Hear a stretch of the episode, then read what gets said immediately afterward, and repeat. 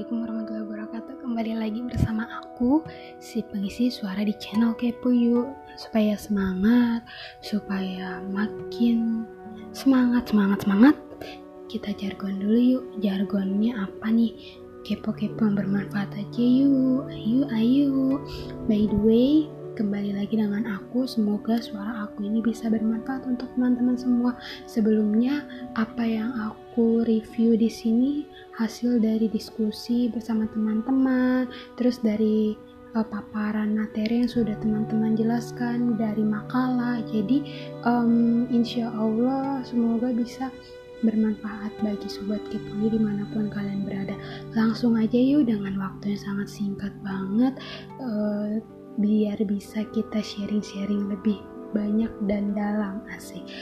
Biarpun sedikit lama-lama menjadi bukit semoga suara aku ini bisa bermanfaat untuk sobat kepo. Bismillahirrahmanirrahim. Materi kali ini suara kali ini uh, untuk memenuhi tugas di mata kuliah penelitian kualitatif sobat. Jadi di materi kali ini aku akan berbagi cerita tentang etnometodologi. Apa tuh etnometodologi? Nah, jadi istilah etnometodologi yang berakar pada bahasa Yunani, yaitu metode yang digunakan orang dalam menyelesaikan masalah kehidupan sehari-hari. etnometodologi sendiri adalah suatu studi tentang praktek sesa praktik sosial keseharian yang diterima secara taken for granted berdasarkan akal sehat atau common sense. Jadi mungkin untuk sobat kepoyo sudah pernah ada nih yang memakai metode metodologi bisa sharing-sharing bersama aku di channel kepoyo. Nah next time mungkin bisa untuk sobat siapa pun yang mungkin bisa sudah melakukan penelitian etno metodologi ini nanti kita sharing. Bagaimana sih cara maksudnya alur dalam penelitian etnometodologi ini? Jadi kalau yang menurut cerita yang aku dapat nih begini sobat. Jadi etnometodologi ini bagaimana kita nanti suatu ketika kita melakukan penelitian etnometodologi ini kita ini uh, melakukan penelitian yang ikut terjun langsung menurut ceritanya seperti itu. Jadi misalkan seperti ini kita ingin banget meneliti anak jalanan seperti itu. Jadi kita bagaimana kita bisa mengikuti keseharian anak jalanan itu sobat? Jadi bukan hanya sekedar wawancara tetapi kita ikut merasakannya seperti itu.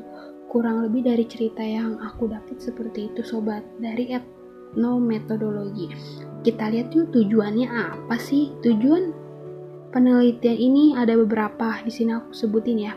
Jadi tujuannya ini satu penelitian ini atau kajian etnometodologi adalah untuk mempelajari bagaimana anggota masyarakat selama berlangsung interaksi sosial membuat sense of indexical compression.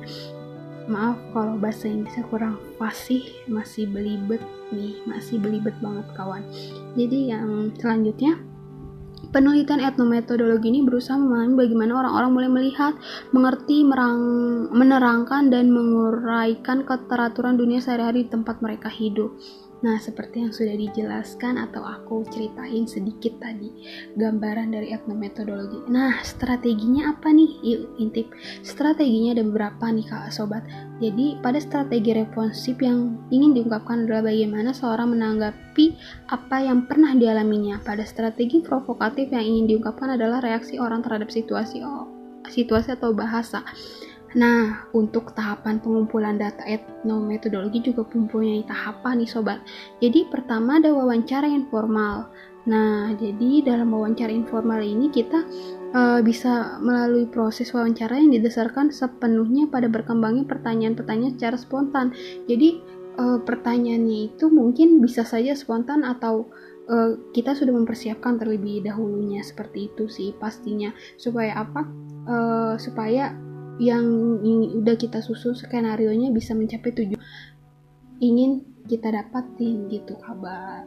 Maaf gitu sobat maksudnya. Jadi untuk selanjutnya tujuh oh, pengumpulan data etnometodologi ini ada wawancara dengan pendoman umum.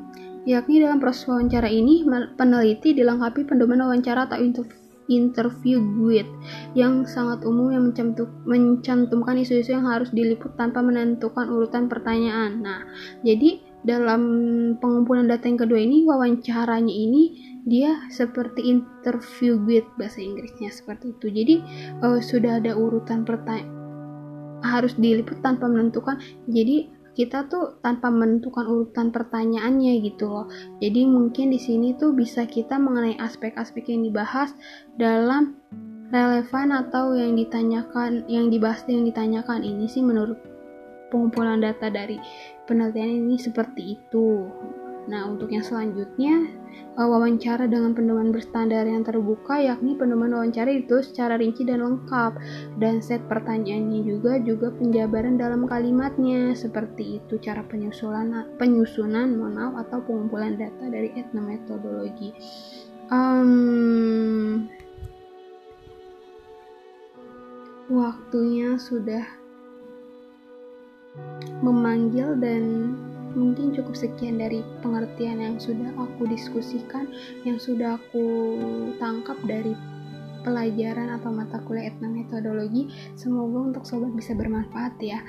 See you next time. Terima kasih udah selalu setia mendengar podcast aku, udah setia mendengar suara aku. Semoga bisa bermanfaat. Cukup sekian dari aku untuk sobat semua, untuk sobat kepo yuk, di mana pun kalian berada tetap semangat, selalu bersyukur, bersyukur dan selalu tersenyum. Wassalamualaikum warahmatullahi wabarakatuh.